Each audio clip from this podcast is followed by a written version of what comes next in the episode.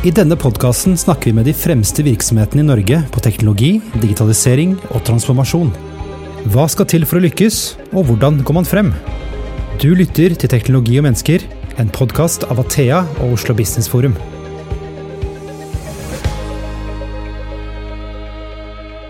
Da er vi tilbake med en ny episode i podkasten Teknologi og mennesker. Mitt navn er Christian Brostad. Jeg pleier å minne om én ting helt i starten, og det er at hvis du abonnerer på denne podkasten, så får du da de nye episodene rett inn i podkastspilleren din, og det er jo litt smart. Men over til dagens tema. Teknologi og data har blitt en del av sentralnervesystemet i alle virksomheter. Alle virksomheter ønsker å skape merverdi, kontinuerlig læring og utvikle virksomhetene til å løse reelle problemer for kunder og borgere. Ting som fungerte før, er kanskje ikke riktig medisin i dag eller fremover. Dette betyr at mange virksomheter står overfor store endringer, som definitivt ikke er friksjonsfritt. Så vi snakker egentlig om transformasjon. For å dykke ned i dette, så har vi invitert to veldig spennende gjester som har erfaringer med dette. Det er Katrine Jansson, som er leder for politiets IT-enhet, og så har vi Petter Moe, som er teknologidirektør i Athea Norge. Velkommen til dere. Tusen takk. Mange takk. Du Katrine, jeg må uh, si én ting først før vi går uh, i gang. Da. Uh, jeg har jo sett deg på scenen, og så det er et eller annet befriende over din lederstil, hvor du bl.a. dukket opp da med blinkende sko. det syns jeg var helt fantastisk, foran et heiende publikum. Da. Hva, hva er liksom greia med disse skoene? Det er jo teknologi, da. Ja. Så jeg tenker at det hører jo med. Og så, og så er det vel akkurat det å liksom um, ta ned avstanden litt, og ikke være så sjef oppå der. Men mm. uh, være en teknolog med de andre. Det er ikke bare gjort med skoa, det, altså. det er bare en, en, gimmick, så jeg pleier å ha på meg skoa når det er allmøter eller fest. Mm. Har du sånne gimmicker, eller? Ikke ennå, men jeg må jo ut og lete nå. Ja. Ja. Blinkende sko. Nei, det ble så god atmosfære av det, altså jeg tenkte det var egentlig bare for å gi litt kred i starten. Da. Men eh, vi som har fulgt deg en stund, eh, Katrine, har jo eh, opplever da at smidighet, eh, tverrfaglighet osv. er en fanesak for deg. Eh, hvordan ble du hekta på dette? Jeg tror jeg ble hekta på det gjennom eh, arbeidet mitt i Nav. Um, og egentlig var det sånn at uh, det var Torbjørn Larsen, som da var min uh, leder i, i Nav, som, uh, som, snakket mye om dette. Og så satte jeg meg ned og leste State of DevOps-rapporten i 2018-2017. Rapporten fra 2017, tror jeg. Og det ga så mening for meg. At jeg bare tenkte herregud, hvorfor har vi ikke jobbet på denne måten alltid, og vi må i hvert fall gjøre det nå. Eh, og, og, det var jo dokumenterte resultater på kvalitet, på fart, på sikkerhet. Eh, og folk ble mer happy av å jobbe på den måten. Så det var egentlig Jeg vet ikke, det alt falt på plass i hodet mitt på veldig kort tid. Du, du har jobba mye med prosjekt før òg, ja, med tradisjonelle vannfall? 30 år i, i, som prosjektleder, ikke sant. For en diskusjon jeg ofte havner i når folk har eh, bred erfaring der, eh, er det at eh, noen sier det at i stort så er jo verden vannfallsorientert og burde være det, men så finnes det enkelte sånne luker hvor man kan kjøre smidig fordi det passer godt inn for å håndtere konkrete ting. Men jeg tenker ofte, er det ikke egentlig omvendt? Er det ikke sånn at verden er smidig, agil, iterativ, og at det av og til kan passe med vannfall. Jo, jeg er helt enig. Ja. Og, det, og prosjekt er en veldig bra mekanisme for ferdigstille et bygg eller en jernbane eller hva det måtte være. Bygge en bro. OL, Ja. godt eksempel. Liksom når det er tidsfrist og alt må være klart. Ja. Eh, Men ikke når det gjelder IT-utvikling. Nei, og ikke for livet, skal vi si. Nei. Alt det store. Nei. Eh, vi må jo få med alle lytterne her, for det er, ikke alltid, det er sikkert ikke alle som vet smidighet, hva er tverrfaglighet osv. Jeg vet ikke. Hvordan vil du definere det, Petter? Det brukes jo veldig mange begreper. Man snakker både om smidig og DevOps og innenfor finansiering eller budsjettering og beyond budgeting, som egentlig er en variant av det samme. Da. Så alle dem har jo forskjellige aspekter ved seg. Men for meg så er kanskje det viktigste det at man er i stand til å ikke formulere en sånn endehypotese om hvor man skal hen, men at man formulerer heller teorier og jobber seg inn i dem, og så er i stand til å snu eller forsterke. Sånn at i et sånt vekslende verdensbilde, da, eller konkurransesituasjon eller hva det måtte være, at man er i stand til å forholde seg til hva som er neste fornuftige steg, sjøl om man klarer å opprettholde en større retning rundt det. Da. Mm. Det tenker jeg kanskje er det som er fellesnevner for mange av de smidige begrepene som brukes litt på tvers av hverandre. Da. Ja, enig i det. Og så tror jeg det ordet jeg har brukt mest, er tverrfaglig. Ja. Eh, og spesielt i store, tunge, hierarkiske organisasjoner som jeg har jobbet i, så nytter det ikke å gå opp og ned i hierarkiet. Du må på et vis se på hierarkiet som et instrument, og så må du løsrive kompetanse og sette det til å jobbe tverrfaglig utafor eh, de hierarkiske grensene, ellers så får du ikke det til. Så det er mye mer fokus på hvilken kompetanse trenger vi for å løse dette problemet, og da er jeg helt enig med deg. Eh, eh, og hvordan setter vi i gang det? Men det er jo ikke enkelt. Så, så, tverrfaglighet handler jo også fryktelig mye om å kunne se hverandres perspektiv. Og det er vi pinadø ikke så godt trent i, altså. Jeg hadde veldig godt eksempel på det fra dattera mi. Hun, hun, jobber i Beck og hadde vært på eh, senior bootcamp og lært om perspektiv. Eh, interessant, tenkte jeg, det burde jo alle lære. Og så hadde vi vært ute og løpt en tur i Maridalen, og så, og så kjørte vi hjem, og så løp det en jogger langs veien. Og så tenkte jeg åh, grusveien er 50 meter innenfor, kan du ikke bare løpe der? Og så sier dattera mi Mamma, nå skal jeg utvide perspektivene dine litt. Kanskje han skal løpe maraton på asfalt. Da er det jo litt dumt å trene på grus. Eller kanskje han har en ryggskade som gjør at han ikke tåler ujevnheter. Uh, og det var så utrolig bra eksempel. Uh, vi, vi, er så fastlåste i tankene våre, da. Så det der tverrfagligheten, du kan si Første steg er å sette sammen riktig kompetanse. Neste steg er jo at den kompetansen greier å ha respekt og utvide for hverandres fagområder og utvide egne perspektiver. Og det er mye trening som skal til. Helt enig. helt enig. Men én ting jeg alltid undrer meg over i Forsvaret. Jeg var i Forsvaret noen, noen år. Strid og krig er jo noe av det mest dynamiske som finnes, fordi de andre prøver alltid å gjøre det vanskelig for deg. Det ligger jo i sakens natur. Eh, så da er man veldig trent på eh, å hele tida kunne respondere og gjøre ting i forhold til hvordan situasjonen ser ut. Men det er så stor avstand mellom det som foregår på den aksen i forhold til det som foregår på planlegging, og særlig IT. Mm. Eh, for der er det liksom livsløp og total cost of ownership og alle de bitene. Da. Og det tenker jeg meg det er sikkert helt det samme hos dere også. Ja, Skurkene eller de andre er vel lite forutsigbare. Ja. Og, og, teknologiutviklingen går så fort. Så, så, den gamle modellen hvor du, noen skulle sitte og utarbeide konsepter og, og finne mm, Lage spekk og så to år etter var det noen som skulle begynne å lage det. Men eh, oi, da hadde Kafka-teknologien kommet, så har vi tenkt på det. Ikke sant? Det skjer noe med teknologi hele tiden som gjør at det er ganske dumt å bruke for mye tankevirksomhet på løsning tidlig. Ja. Eh, men du kan bruke tankevirksomhet på problemet. Hvilket problem er det vi skal løse? Liksom skaffe innsikt i, i det, og så begynne å iterere og, og tørre å prøve, da. Og tørre å snu, som du var inne på, eh, hvis det ikke bærer frukter. Og dette med hypoteser er jo også Det er jo gammelt. Man har brukt det i forskning i, i 100 år. Eh, forkastende hypoteser osv. Og, så eh, og det er ganske enkelt å sette opp en hypotese, men allikevel, det er vi heller ikke så godt trent på. Vi er trent på å planlegge og beskrive og dokumentere og ja, egentlig en del mekanismer som ikke er veldig smidige. Mm. Men jeg har hørt du har sagt tidligere, Katrine, at um, fordi når vi snakker om IT-utvikling, så kan man jo fort uh, tenke at ok, da må vi ha ulike roller, kompetanse innenfor IT. Men du har jo vært opptatt av uh, jurister bør være med, uh, osv. Så, videre. så uh, hvordan tenker man det beste teamet på tverrfaglighet? Og jeg skjønner at det har noe med oppgaven du skal løse, men kan man si noe generelt om det? Ja, ehm, det tror jeg kan. Generelt sett så trenger du ofte designkompetanse.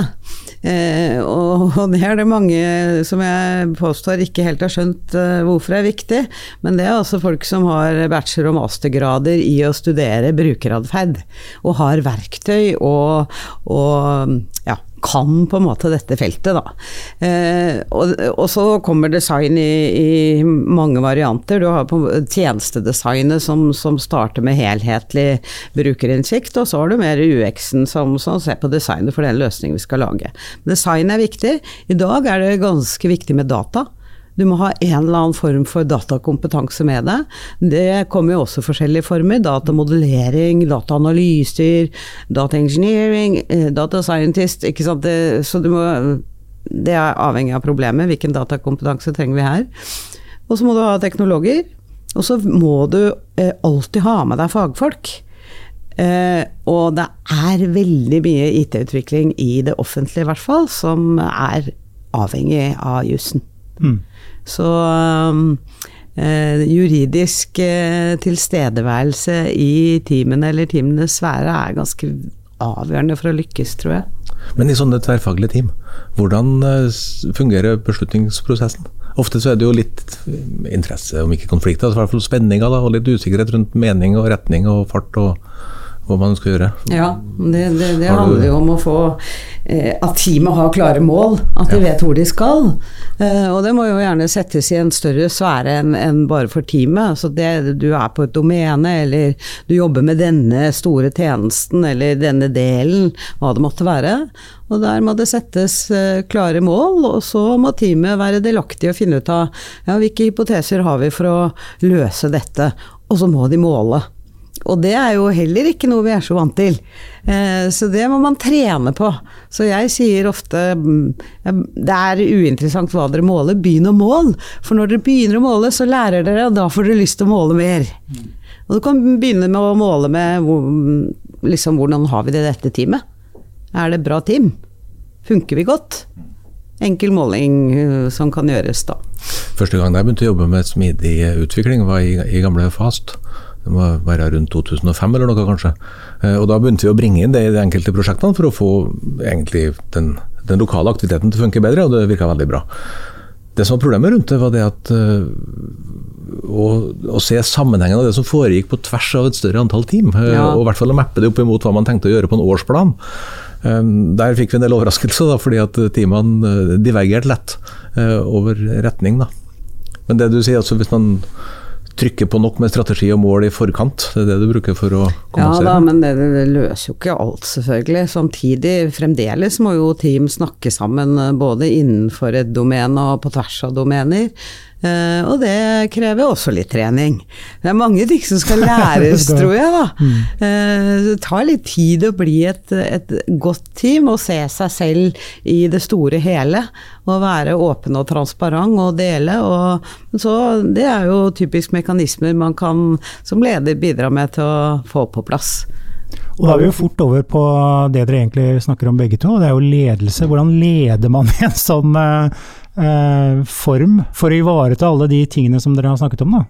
Petter, hva tenker du? Nei, Det tenker jeg at det er ofte noe av det vanskeligste. fordi at eh, når man begynner på å jobbe på en ny måte, eh, så er det jo enten eh, ofte iverksatt ovenfra, fordi noen har sett at det går an å jobbe på en annen måte. Som jeg vil kanskje tro at det var delvis for deg da du tok tak i sånn som du gjorde ved Nav og etterpå.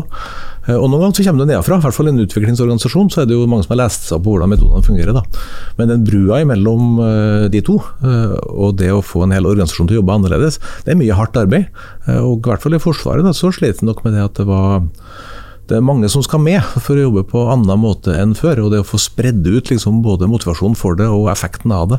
Og få folk til å, å være med og dra, da, istedenfor å stille seg litt på sida, kanskje. Det er veldig eh, utfordrende. Det tar lang tid. Ja, tror det. Ja, det ledermodellen min er veldig enkel i IT-ledelse, da. Eh, men jeg tenker også i smidig ledelse generelt sett. Eh, når jeg er eh, direktør på toppen av pyramiden, så er målet mitt å sette retning. Eh, og mobilisere for å skape resultater i henhold til den retningen. Når det er gjort, det er jo et kontinuerlig arbeid selvfølgelig, men da snur jeg pyramiden. Så neste oppgaven min er hva kan jeg gjøre for deg for at du skal nå målene våre? Altså bli mye mer opptatt av fjerne hindringer, tilrettelegge, være tett på. Eh, mange tenker jo dette at liksom disse smidige, autonome teamene, da, da, gir jeg full tillit, og så forsvinner jeg og holder på med mitt. Og jeg tenker at det krever tettere på enn noen gang.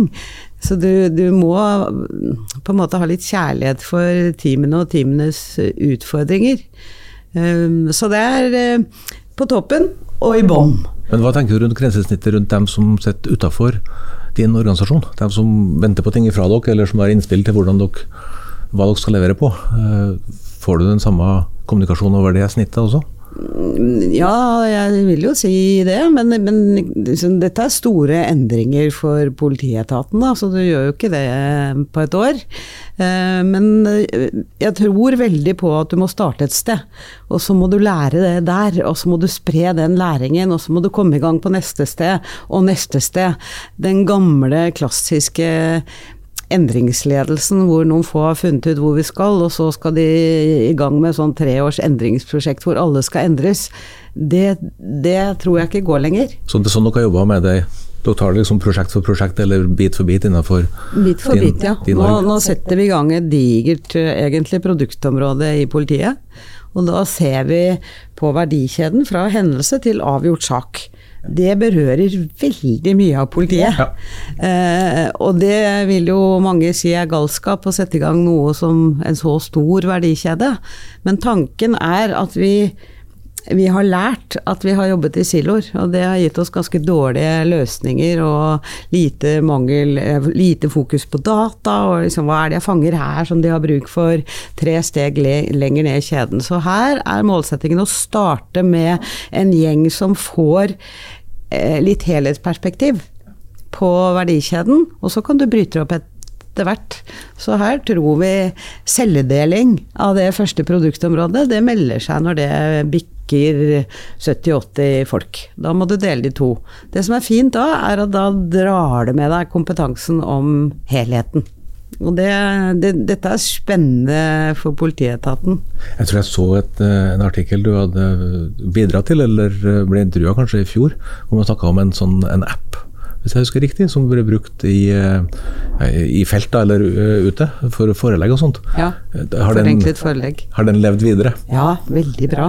Og det var, kan du si, det var egentlig første ordentlig smidige time under radaren.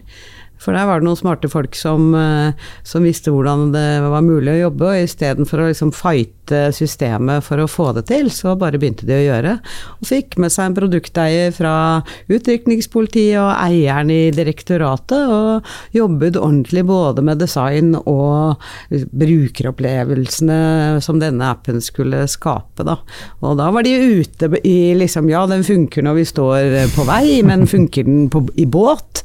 Så da var de ute i uvær og testa og ja, veldig, veldig bra, altså.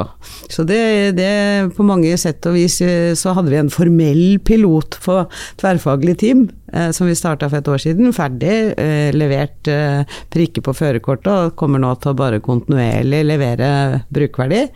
Eh, men denne trafikkforenklet forelegg var egentlig pre-piloten, litt sånn under radaren et godt eksempel. Eh, men jeg også tenker et godt eksempel som jeg stusser over at flere ikke er liksom mer nysgjerrig på. Eh, hvordan gjorde de det, og hvordan har de fått til dette? Og, uh, ja, og det er jo et spørsmål. Vi jobber jo mot mange også store offentlige. og den det å innføre en ny måte å jobbe på i stort, eh, det er jo en utfordrende reise. Og det du var innom i stad, det med data, det blir jo bare verre. fordi det vi også ser da er at mange har jo nå begynt å samle data. Men det å begynne å systematisere dem og begynne å bygge noe særlig på dem, det har man ofte kommet ganske kort med. Ja. Eh, så det å være i stand til å snu det rundt, det fordrer jo at man har et rammeverk eh, og verktøy på plass som gjør at man faktisk er i stand til å prosessere og gjøre noe med det også. Da. Ja. Så hvordan vil du, hvis, hvis folk skal begynne på den reisen, på data tenker du spesielt, eller? Ja. ja nei, nå har vi etablert uh, vår første strategi for et datadrevet politi. Som, som deler det inn i noen blokker. Um, og første fase er å bekjentgjøre dette eh, høyt og lavt. Uh, og så må vi ta det inn i disse teamene. Eh, men det er litt på teknologisiden òg, for vi er, ikke, vi er ikke godt rigget for å dele data på en smart måte i dag. Vi har liksom databaser her og felles kodeløsning og ja, mye som vi må rydde opp i, da. Og det er IT-agendaen som, som må tilrettelegge for teamene. Eh, og så kan du ikke vente på den heller, så du må gjøre dette i parallell. Men det er vanvittig mye å hente på, på data. Det er jo så moro å tenke på. Eh, jeg har noen kollegaer som har sagt hvis politiet bare hadde visst hva politiet vet. Men jeg vil ikke slippe lederskapet, dere prater jo. Fordi uh, uten, uten, lederne så, så, går det jo ikke. Uh, hva, hva, hva, gjør man med de lederne som ikke vil? Jeg kan ikke forestille meg at det finnes sånne. Det, det det, ville det. vært det, vært, ikke det, da. Fordi eh, jeg tenker i din ledergruppe, da, hvis vi skal ta politiet spesifikt, eh, så har man jo liksom, blitt enige om det er sånn vi skal jobbe. Eh, Og så kan det jo være motstand mot den måten å jobbe på, det var jo mye bedre før. Hva, hva gjør man med, med sånne situasjoner? Ah, Du kan jo enten bruke ganske mye energi på å forklare det nye og hvorfor osv., og, så videre, og det, det tror jeg man skal. Eh, men jeg tror det aller beste er ved konkrete eksempler. Altså Du må komme i gang, og så må du demonstrere. Eh, hvorfor er dette bedre enn den gamle måten vi, vi gjorde det på? Kanskje er det en bedre vei da, til å få med seg flere, enn å bruke teori. Jeg føler nok også det at en, Hvis vi går bare et par år tilbake, eller si fem, da, så er det litt uklart hva som kom til å skje både med sky og smidig. Eh. Det var nye tilnærminger som var, som var ute her, som det gikk an å mene mye rundt. Men nå føler jeg at nå har vi egentlig kommet så langt at vi vet at begge de to tilnærmingene kommer til å, å vinne. Eh. Så nå er det mer et spørsmål om å legge til rette for å få på plass og få folk til å forstå. fordi man skjønner at ting skal ut i skyen, og man skjønner at man skal jobbe på en mer dynamisk måte. Eh, Og da det, er lettere da, enn enn da det var uavklart, retninga. Men da tenker jeg også det er klassisk eh, endringsledelse, egentlig. Eh, jeg kan snakke store ord og være utålmodig og litt sånn sleivete, så jeg får jo noen uvenner på min vei. Og da er det veldig godt å sende ut noen diplomater eller andre som, som har en annen tilnærming til eh, kommunikasjonen rundt det, da. Og kanskje trenger du fem forskjellige typer som kommuniserer dette på ulikt vis for å, for å flytte på massene. Eh, Så jeg ser veldig godt min egen eh, begrensning, og jeg ser også Dette kjenner du litt igjen i deg selv, gjør du ikke det? Eller sånn ulempen ved å ha mye på hjertet. Eh, Det er ikke alltid det er ikke alt jeg treffer like godt, da, vil jeg si. Eh, og det må jeg på en måte også ta hensyn til. Og jeg blir jo lei meg når jeg skjønner at jeg liksom har tråkka noen på, på tærne, for det er jo aldri meningen min. Jeg, jeg tenker jo bare alltid på hvordan kan vi løse samfunnsoppgaven på en bedre måte. Men, men da tenker jeg det er viktig å se sine egne styrker og begrensninger, og, og slippe til andre i den dialogen. Eh, hvis man spør liksom folk der ute, altså innbyggerne, vanlige forbrukere, om man opplever at offentlig sektor eh, jobber smidig, at det er liksom smooth alt, eh, så eh, hva, hva tenker dere? Mener du at offentlig sektor eh, jobber smidig, eller er det egentlig bare de store aktørene i offentlig sektor som gjør akkurat det dere gjør nå? Da tenker jeg på skatt, Nav, eh, Lånekassen og da politiet, da. Ja, det er jo de store aktørene. Hvordan det er i mindre er jeg litt sånn usikker på, men jeg tror jo fremdeles at mange tenker at det er, du kan ikke jobbe i disse store organisasjonene, det er ikke smidig. Men jeg tror jo det ligner på private store organisasjoner, så det er kanskje størrelsen mer om det er offentlig eller privat sektor det kommer an på. Men så tror jeg også at det kommer jo ut mange gode historier etter hvert, som, eh, som man ser at oi, eh, her, her skjer det jo noe. Jeg tenker vi har i politiet så har vi jo eh, våpentillatelse, som er en søknadsprosess, og politiattest. Og for meg så er dette åpenbare felt for automatisering. Dette kan maskinene takle veldig raskt og mye bedre. Eh, Og med en gang vi begynner å vise borgere og virksomheter i samfunnet at, eh, at vi får til dette på en god måte, da, så, så tror jeg vinden snur litt. Ja, det tror jeg også. Da vi begynte å innføre sånt i Forsvaret, så hadde vi litt den samme erfaringa som det du beskriver med den foreleggsappen. Vi innførte en tjeneste som ble veldig godt eh, mottatt, for den traff midt under korona. Satte folk i stand til å jobbe, og da var det veldig mye lettere etterpå å motivere folk til å være det. Men samtidig så syns jeg vi må huske det at eh, hvis du ser på offentlig sektor i Norge, vi har jo en del løsninger som ingen andre land kan konkurrere med. Eh, Både f.eks. på skatt, da, eh, sant? Med, med digital selvangivelse og hele den prosessen rundt det der. Det er jo ikke mange år siden. Eh, Det var en prosess som var bygd på tvil, mistanke og, og dobbeltarbeid. Og nå er det helt annerledes. Se på alt som foregår innenfor medisin, helse, resept, eh, alle de bitene der. Det har jo allerede skjedd en revolusjon, så i bunn og grunn så burde alle sammen være kjempestolte over det som offentlig sektor i Norge har fått til.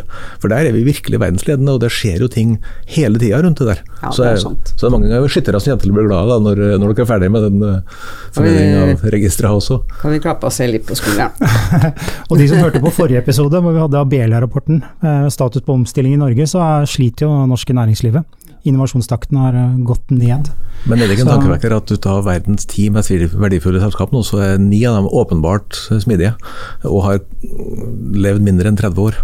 Mm. Eh, så Det er jo en veldig dreining mot at man får til mye ting hvis man jobber på den måten, og det tror jeg folk begynner å se. Jeg tror jo et godt, um, et godt bilde på det er hvis du ser på eh, de store teknologigigantene som har på en måte vokst opp i internettverden. Ja. De har jo ikke så mye IT-avdeling. Det er integrert i forretningsprosessene. Mm. og det er et ganske interessant fenomen, da.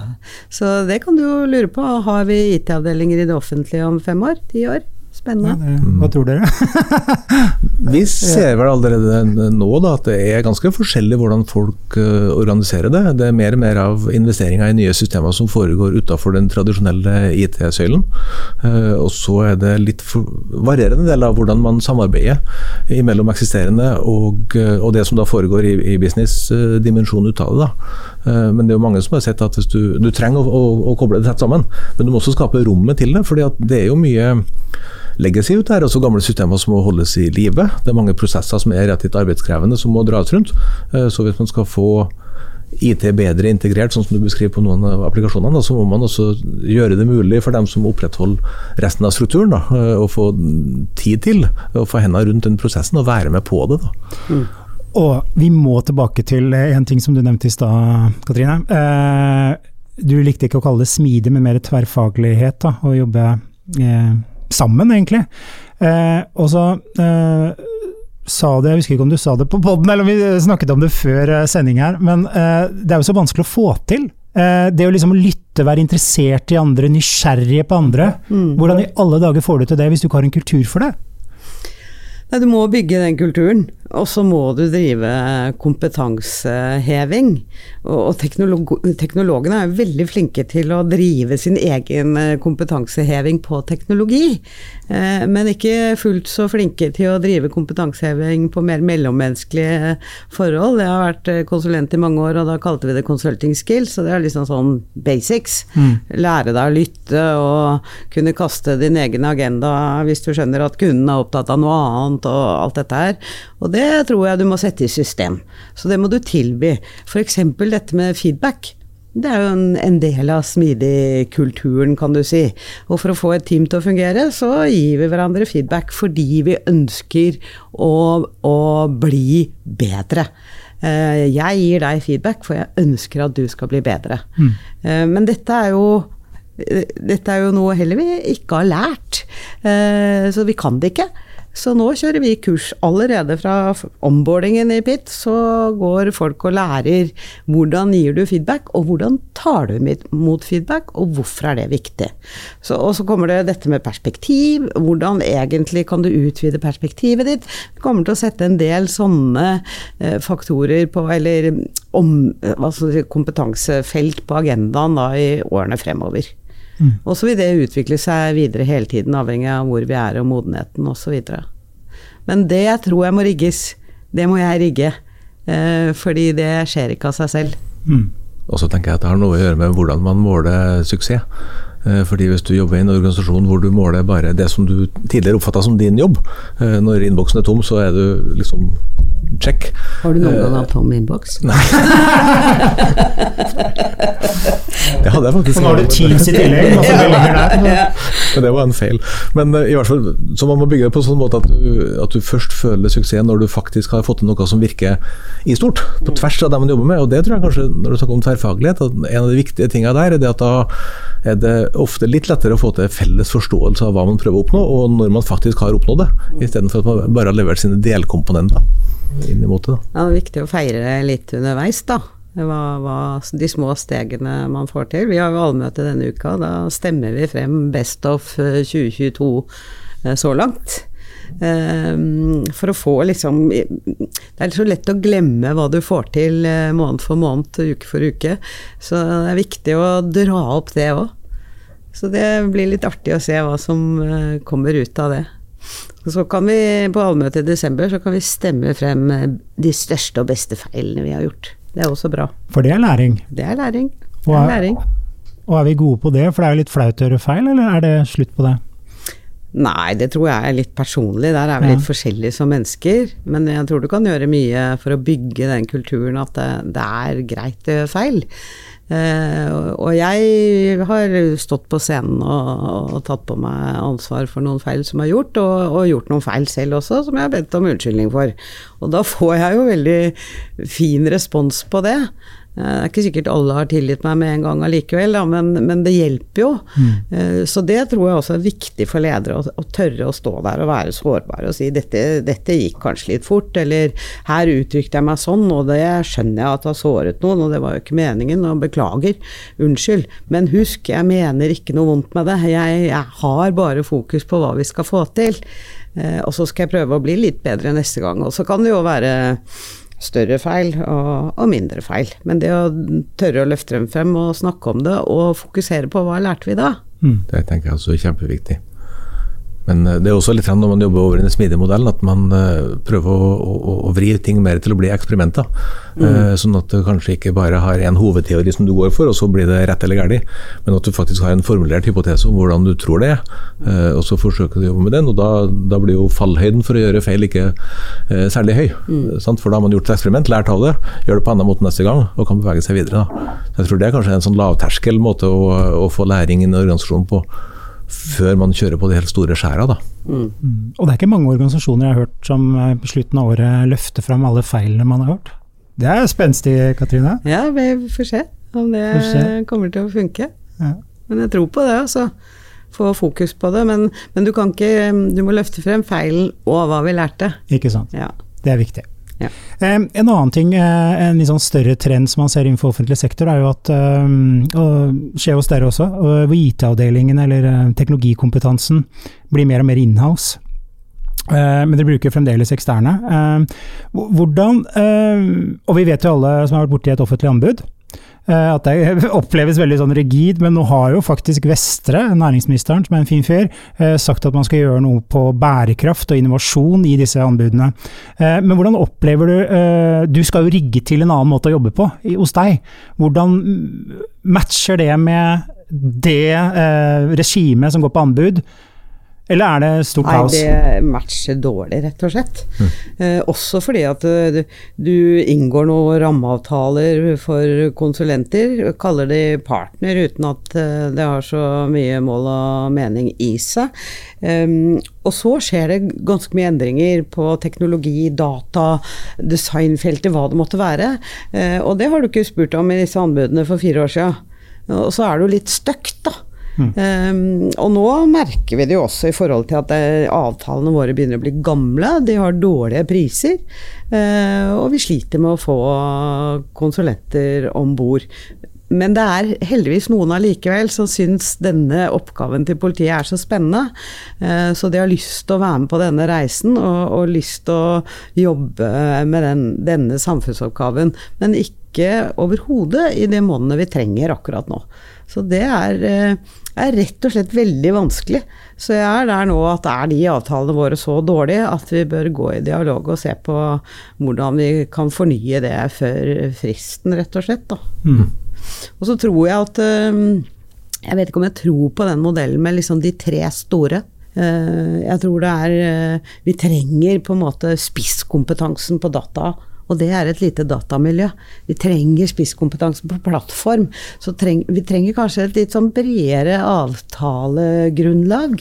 Eh, hvor, ikke, hvor, hvor du er partner på et fagfelt, og ikke i stort, da.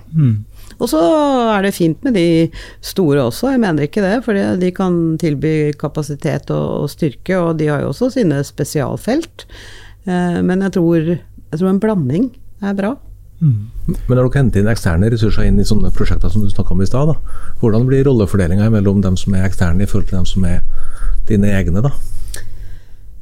Ja, vanskelig godt spørsmål, vil jeg si. Fordi at eh, det jeg tror mange tenker i det offentlige, er at eh, I hvert fall tenker jeg sånn, og lærte det også gjennom Nav. Eh, du må gjerne sette bort oppgaver til konsulenter, men du må sitte med eierskapet selv. Fordi eierskapet handler om helheten, langsiktig. Eh, og konsulenter er av natur inne for å gjøre en eller annen jobb, og så vil de videre til neste kunde. Ansatte er av natur ansatt for denne samfunnsoppgaven med et, et perspektiv, da. Det betyr jo ikke at ikke de også skifter jobb, men ikke så ofte som, som konsulentene skifter kunde. Eh, så du må ha nok eh, kapasitet og kompetanse til å, å ha det eierskapet. Og så må konsulentene hjelpe til. Og det kan godt være spisskompetente konsulenter, eller det kan være konsulenter som kan det samme som oss. Eh, og da er det mer kapasitet, da. Men jeg tar jo konsulentene med på onboarding. Jeg vil at de skal høre det samme som ansatte. Vi må prøve å holde de informert. Eh, og der svikter man vel ofte litt òg. Man drar inn konsulenter, og så seiler de egentlig litt sånn egen sjø borti der hvor de jobber. Så det er jo også noe med at de må bli satt i en posisjon til å være med og ta det samme ansvaret så lenge de er der, da. Det er jeg opptatt av. Og i et team da, så sier jeg det er helt et fett hvem som betaler lønningen din liksom feedback gir vi. Vi jobber med de samme mekanismene i et team, uavhengig av hvor folk kommer fra. Og der har jeg møtt på mange rare Nei, jeg kan ikke gi feedback til en annen, et konsulent til et annet konsulentselskap. Det opplever jeg som ubehagelig. Så konsulentene har også noen barrierer som vi Ja, men det er ikke greit her hos oss. Dette handler bare om å gjøre folk og teamet bedre, helt uavhengig av hvem som betaler lønning. Så det betyr at den bestående, dype kunnskapen om de politifaglige aspektene og systemene, de ligger hos egne. Ja. Og sånn må det være. Enig. Skjønner det. Og vi er ikke på et godt sted der nå. Eh, bare på utvikling så har vi 100 ansatte og 150 konsulenter. Det betyr jo at vi ikke har eierskap akkurat der vi er nå. Og det er ikke bra for oss. Mm. Så det må vi rette opp i over tid, da. Men du, eh, dere er jo blitt ganske poppis. Jeg så en eh, undersøkelse her. Dere er jo eh, faktisk på listen over drømmearbeidsgivere da, blant unge og, og studenter. Hva, hva, hvorfor det? Hvorfor har dere deg inn der? ja, det, det, er et godt spørsmål, og jeg er ikke sikker. Men jeg vet ikke om, om samfunnsoppgaven til politiet har blitt veldig mye tydeligere i markedet, også i, i lys av krig og sikkerhetstrusler og alt mm. dette. Mm. At man bare skjønner at liksom, Oi, det er et ganske viktig fundament for, eh, for samfunnet vårt. At dette fungerer bra, da. Eh, og så tror jeg jo det er mange ingeniører som har liksom eh, Da de var ti, så skulle de bli politi. Mm. Eh, og hvis de nå kan kombinere teknologi med politifaget, veldig gøy. Jeg hadde en, eh, en som startet i sikkerhetsmiljøet vårt eh, ganske tidlig. Og han har jobbet hos oss tre år, tror jeg. Og nå skal han gå Politihøgskolen. Det er, også, ja, det mm. er veldig, veldig artig, syns jeg, da. Vi prøver å ha han nært knyttet til oss mens han går der for å lære hva, hva er politiutdanningen innretta for eh, fremtiden. Mm. Sånn at vi har et lite blikk på det òg, da. Jeg tenker jurister i dag, sånn AI eller, eller Det er åpenbart på jusområdet. Men jeg tror ikke det er så mange jurister som går ut og har lært noe om det. De har tvert imot lært å gå rundt og bære på den røde boka. Ja, men eh, ærlig talt. Så der har vi en liten samfunnsutfordring òg. Den, den, bryr jeg meg litt om. Eh, vi nærmer oss slutten her, men um, jeg tenkte, Katrine, hva er det du drømmer om i politiet? Er det, hvor er liksom the end game her? Oh, deilig spørsmål! jeg drømmer om at, at vi har digitalisert først kjernen av politiets oppgaver, og det var dette produktområdet jeg snakket om fra hendelse til avgjort sak. Og det berører egentlig alt. Eh, jeg har vært veldig opptatt av, du var inne på det, vi har mye teknisk gjeld i, store selskaper, både offentlige og bank og andre private. Og det å begynne å flikke på toppen av din gamle, gamle moro, det er dyrt og lite hensiktsmessig. Så vi må rydde opp i, i liksom grunnmuren først. Um, og da ser jeg for meg at uh, ikke sant, vi kan trykke på en knapp for å fordele politistyrkene i Oslo til kommende helg, og det er avhengig av hvor mange demonstrasjoner, er det noe besøk, hvordan er været, ikke sant. Ja, nei. Eh, vi har jo målinger på eh, fart, altså som det forenklet forelegg. Og etter hvert så ser vi jo hvor er det det foregår, og hvor er det det ikke foregår, osv. Eh, samarbeid med Vegvesenet. Eh, ja, nei, altså Vi har så mange områder, og ikke minst på datasiden, da, og etterretning ikke mm. sant, som skal, som skal, på en måte gjøre samfunnet vårt sikkert, og gjerne spore i forkant at uh, Oslo-skytingen kan skje uh, før den skjer. Mm. Uh, der er det også fryktelig mye Det er et veldig dataintensivt område, og egentlig på tvers av politiet og PST Kripos. Ikke sant? Alle, vi må jobbe sammen om det, da, så godt det lar seg gjøre. Og her kommer jo E-tjenesten og Forsvaret inn i bildet også. Ja, nei um, Så det er uante muligheter? Det er helt ja. uante muligheter. Det er litt vanskelig ennå å trekke opp sånn, ser det ut. Mm. Men det tror jeg vi må. Vi må forestille oss hvordan jobber politiet om fem til ti år, i stort, da. Men, men for å spørre om det det, mye av det du snakka om nå, var kanskje på en måte digital løsning av predigitale problemer. Eh, hvordan ser du digital kriminalitet spille inn i det hele? Er det noe som ja, Det er noe vi nå har blinka ut som ett av tre mål for politiet. Det ene er egentlig bedre tjenester, og da, da er digitaliseringen selvfølgelig en, en, viktig komponent i det. Og, da, og det andre er eh, digital kriminalitet. Eh, hvordan jobber vi med det? Og det, det, er jo, tenker jeg, litt alvorlig, fordi den øker jo helt eksponentielt ennå. Disse de, kriminelle blir jo smartere og smartere teknologer, så det, det krever jo litt å, å, å, ligge i forkant av det. Eh, den analoge Det er jo ingen som raner banker ikke lenger. Ikke det, det, er veldig lite av den type kriminalitet. Så det tror jeg handler om sakte kompetansevridning for, for hele politietaten. Da. Hvordan jobber vi med det på en god måte? Og, og uh, vi er i gang nå å se på liksom, hvordan kan Kripos ta mye av det de har lært, og, og få det overført til uh, politidistriktene. Men eh, vi er jo en rar organisasjon i forhold til de kriminelle. fordi at eh, vi er inndelt i distrikter, men eh, de kriminelle har jo ikke noe forhold til verken våre interne landegrenser eller landegrenser. Mm. Ikke sant? Den kriminaliteten er Den går på kryss og tvers, da. Så det, det, krever nok at uh, vi tenker klokt og godt om dette, men det er vi i gang med. Og jeg tror det er veldig, veldig viktig arbeid i fremtiden for at vi skal føle at vi bor i et trygt land. Og det er helt analogt det som foregår innenfor forsvar ja. også. Ja. Mm.